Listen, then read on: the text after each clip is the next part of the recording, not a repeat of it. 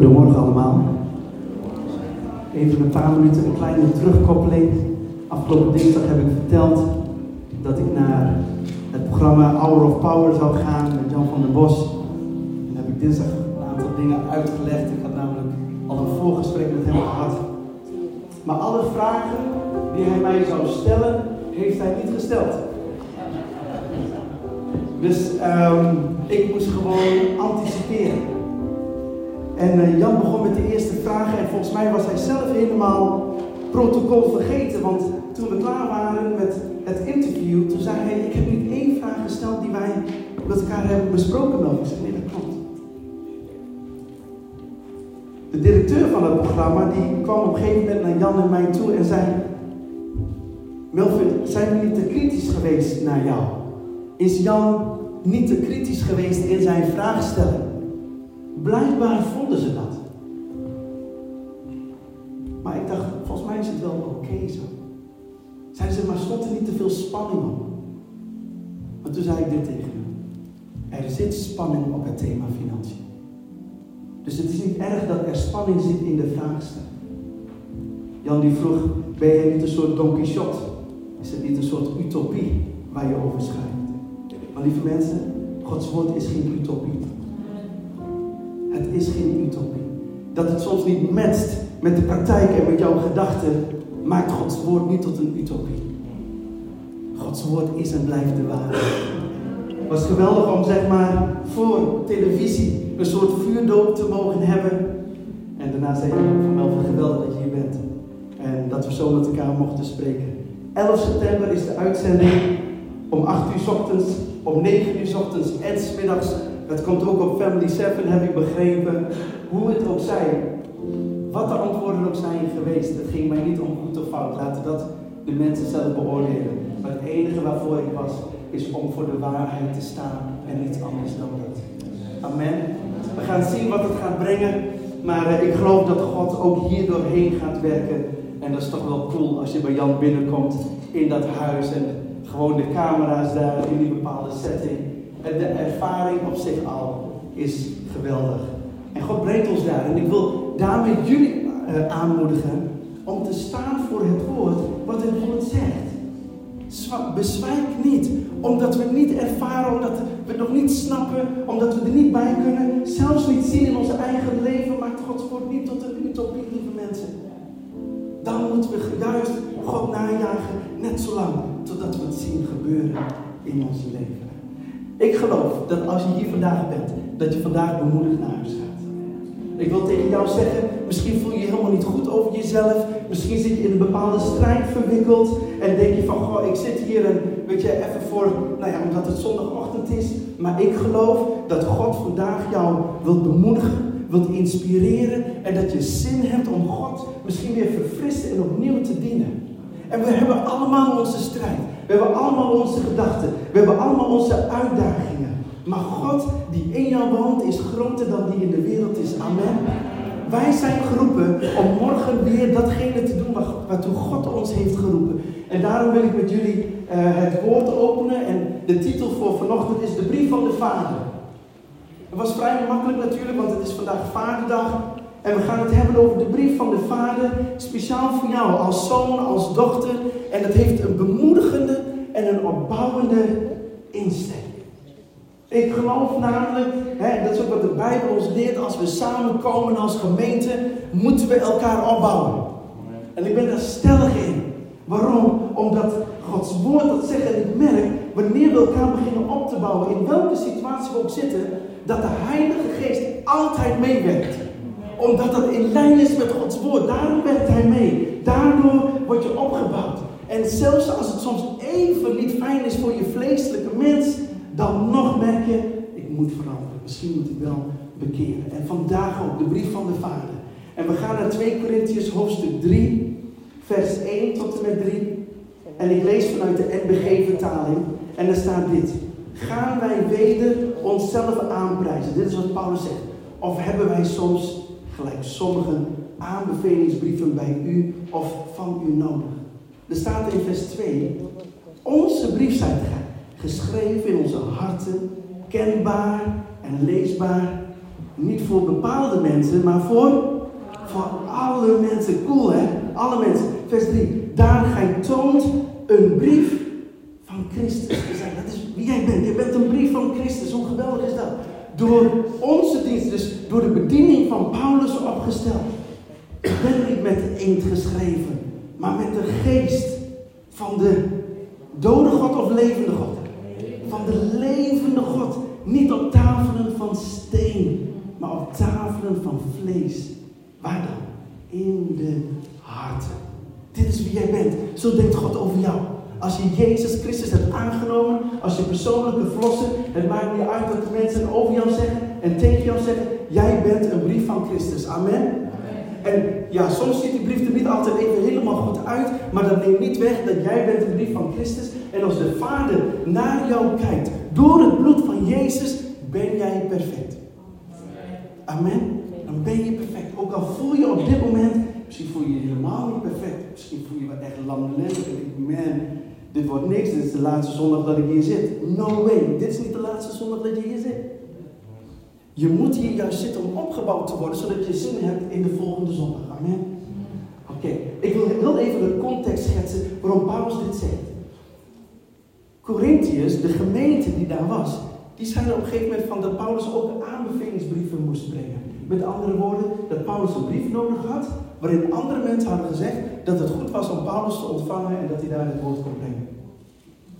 Paulus zegt, jullie zijn helemaal koekoek.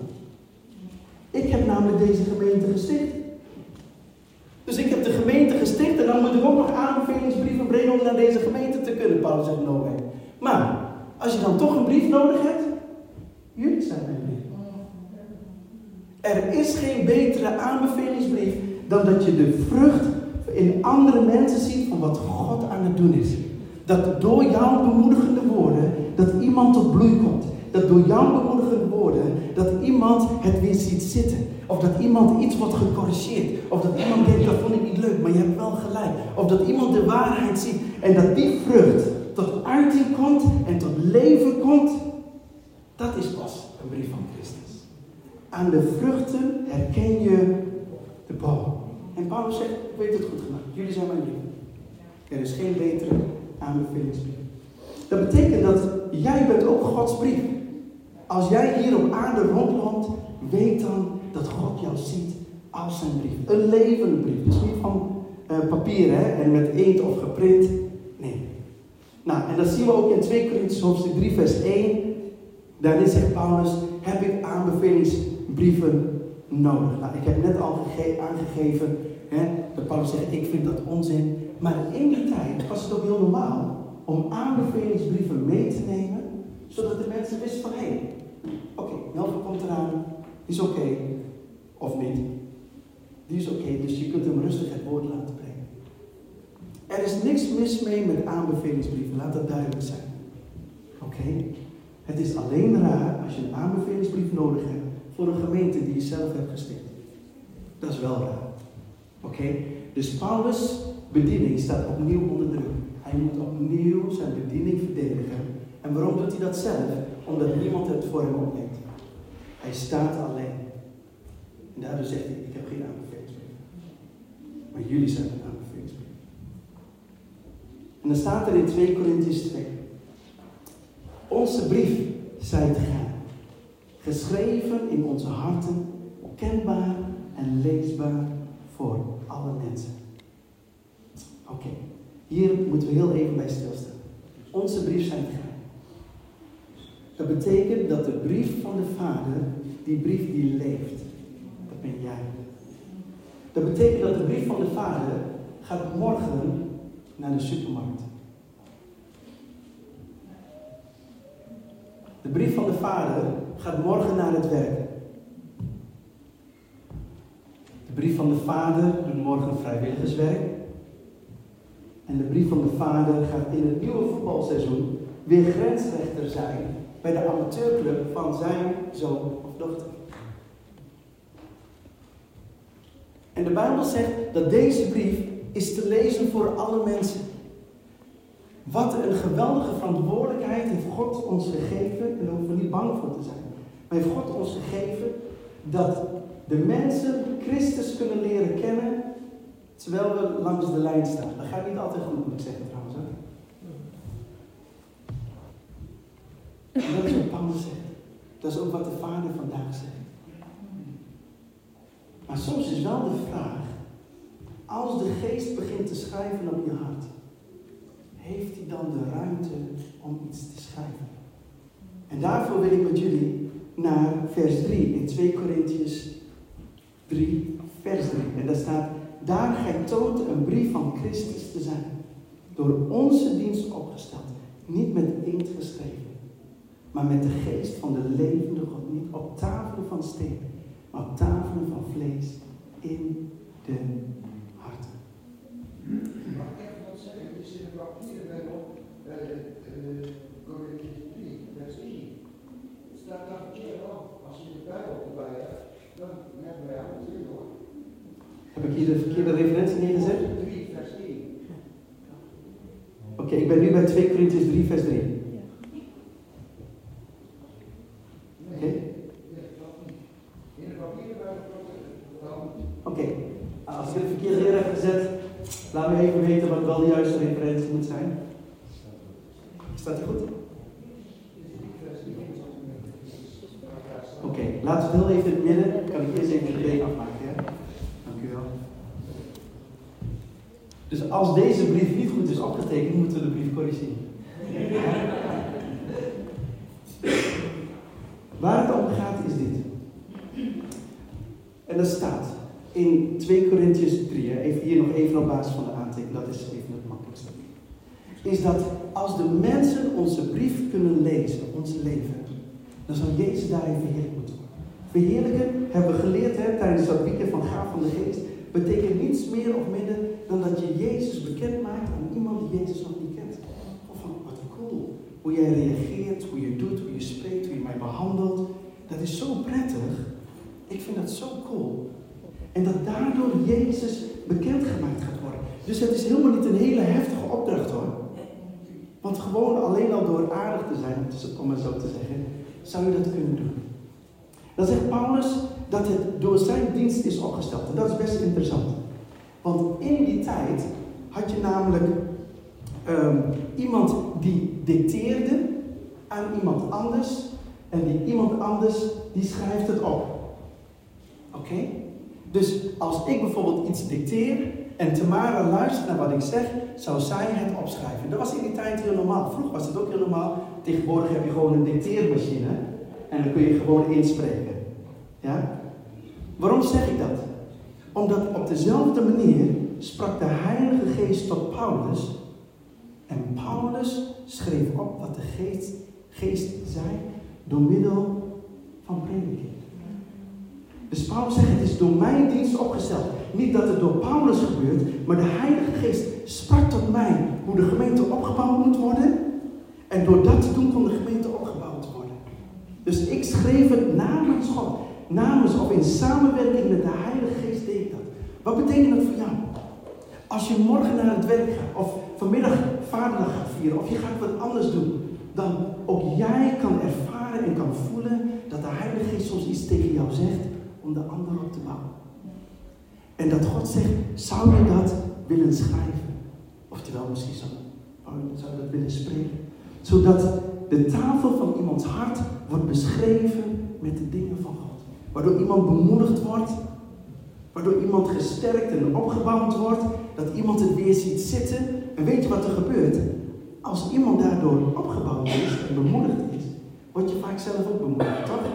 Als je iets van God hebt en je deelt het en iemand zegt dat klopt helemaal en niemand wist het, word jij ook opgebouwd. Dus er wordt ook iets in jouw hart geschreven. Dat je denkt, oh Heer, dank u wel dat ik ook uw stem versta en namens u mag schrijven. Amen. Dus je bent een brief die mensen kunnen lezen, maar God wil jou ook gebruiken om andermans brief te schrijven namens God. Kunnen jullie mij volgen? Is dat niet cool? Amen. Um, die tafelen, hè, de, de Bijbel zegt, dit is wat Paulus zegt, je hebt inkt en je hebt stenen tafelen. Die stenen tafelen verwijzen naar Mozes, oftewel naar het oude verbond. Oftewel de oude mens. Dat eigenlijk door de wet niet gered kon worden. Er moest iemand genomen die namens ons de wet ging vervullen. En daarom zegt Paulus, maar je bent dus niet met gewoon inkt geschreven, maar met de Heilige Geest. En niet op stenen tafelen, maar op de tafel van jouw vlees. En nou is dat een beetje tricky, want als je zegt, ja, vlees, heb je nou over de vleeselijke mens? Ik ga je zo meteen uitleggen hoe het, vlees van, uh, het vleeselijk hart eruit ziet. Ga ik je zo meteen laten zien. Dus dat betekent dat als je door de Heilige Geest iets geschreven krijgt op je hart, dan is God bezig om de nieuwe mensen in jou steeds duidelijker te maken. En dat je kan rusten, niet op kennis van mensen, maar op het woord van God. Dat je weet, dat je weet dat God van mij houdt en dat je daarop mag rusten. Amen. Zo wil God eigenlijk aan jouw nieuwe mens gaan werken. En de ene keer gaat het beter dan de andere keer. Soms moet er wat gegund worden. Soms weer typex eroverheen, overnieuw, andere bladzijden. Herkennen jullie dat? Of hebben weer dat van? Oké.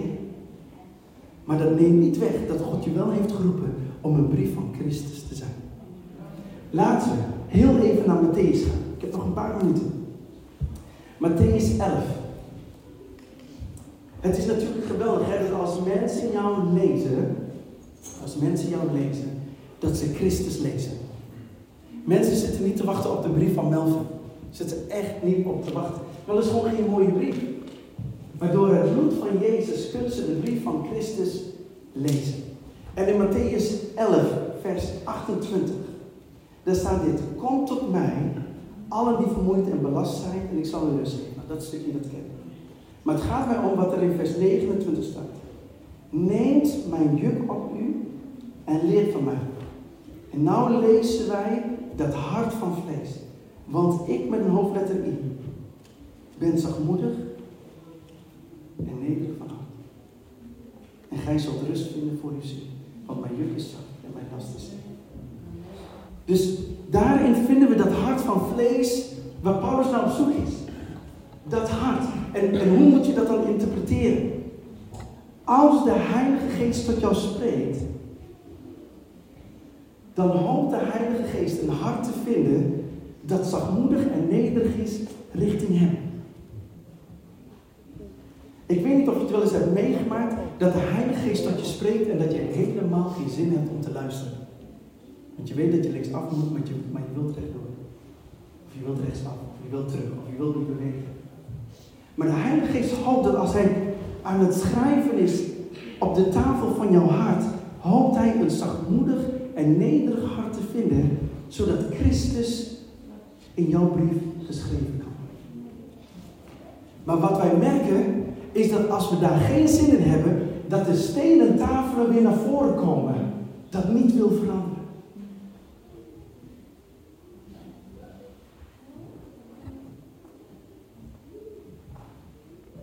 En Paulus zegt, kom aan, elf. Verander in lijn met wie ik ben. Laat de tafel van jouw hart beschreven door de Heilige en ik geloof met heel mijn hart, waar je ook bent op dit moment, dat de Heilige Geest niet zoiets heeft van, nou, weet je, alleen als je een bepaald niveau aantikt, dan wil ik schrijven. Nee, we hebben het hier niet over niveaus. Je bent toch een kind van God. Amen. En omdat je een kind van God bent, ben je een brief van Christus. Alleen die brief moet dagelijks geschreven worden. Het is niet zo dat, dat de Heilige Geest eenmaal de brief heeft geschreven en dat je nooit meer hoeft te veranderen. Want je levensomstandigheden veranderen soms. Je wordt geconfronteerd met situaties waar je niet op zit te wachten. Allemaal dat soort dingen. En dan moet je weten, oké, hoe moet ik nu reageren? En dat de Heilige Geest begint te schrijven. Reageer zo, want dan zullen ze Christus in jouw leven zien. Amen. David, wil je mij helpen? En dit is een keuze die we zelf moeten maken. Ik geloof namelijk met heel mijn hart dat een en elk wederom geboren christen verstaat Gods stem. Daar ben ik 100% van overtuigd. En zelf heb je vast wel eens die momenten ervaren. Alleen de vraag is, welke tafel halen we naar voren? Is het de stenen tafel? Of is het de vleeselijke tafel?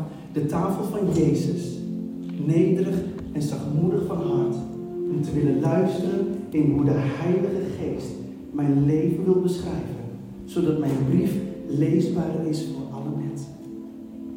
Amen. Zullen we samen gaan staan?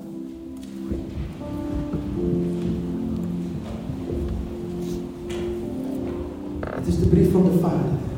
Niemand, niemand, niemand, niemand hoeft zich te minderwaardig voelen, te voelen dat ik geen brief van de Vader kan zijn. Jawel, jawel, jij kan wel de brief van de Vader zijn. Zelfs als je onder druk staat vandaag en dat er wat druk staat op bepaalde thema's in je leven of de uitdagingen die je hebt, jij kan de brief van de Vader zijn, want je kan het niet op eigen kracht. De Heilige Geest gaat dit samen met jou doen.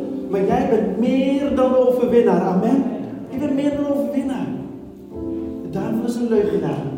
En hij wil je laten zien wat je allemaal fout hebt gedaan. En hey, misschien moeten dingen ook echt inderdaad anders.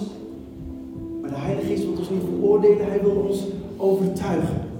Van hé, dingen moeten anders. Oké, overtuig mij, Heilige Geest, want ik wil zachtmoedig en nederig van hart zijn. In eerste instantie naar u schrijf, maar op de tafel van mijn hart. En vandaag wil ik een uitnodiging doen zonder dat je naar voren komt. Maar ik doe een uitnodiging die gericht is aan jouw hart.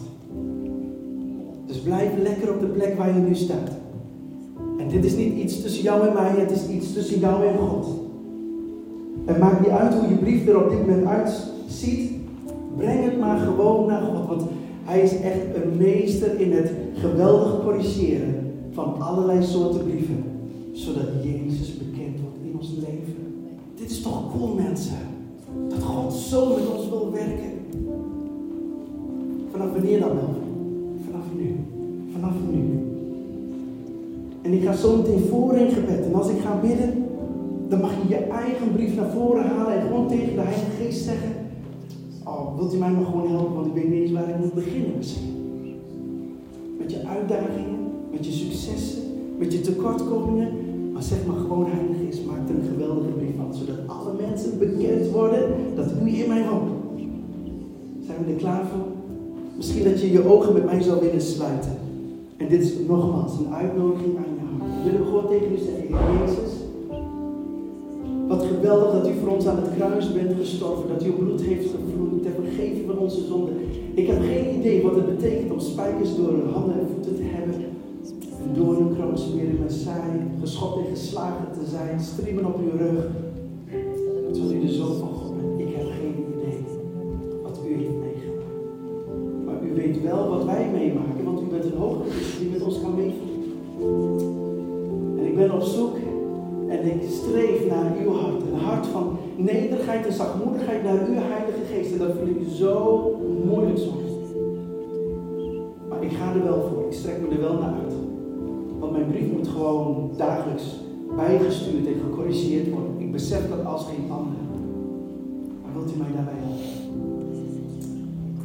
Heilige Geest, u ziet al die harten die nu in zijn gegaan op die uitnodiging. Uitnodiging. Je zegt, Heilige Geest, hier ben ik.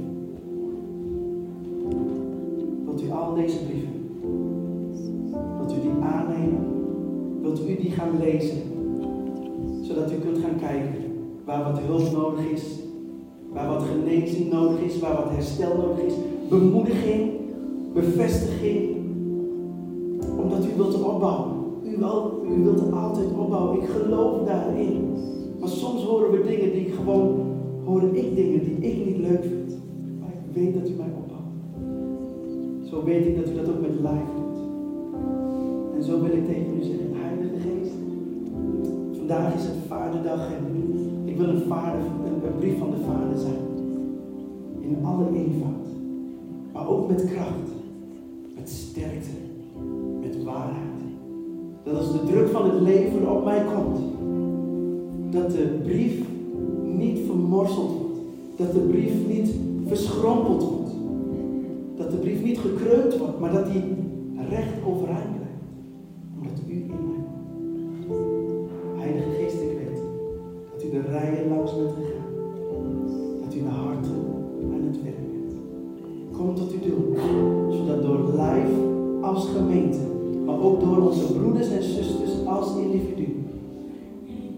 Christus allen bekend gaat worden hier in dit zijn. Dank u wel voor wie u bent en voor wat u doet.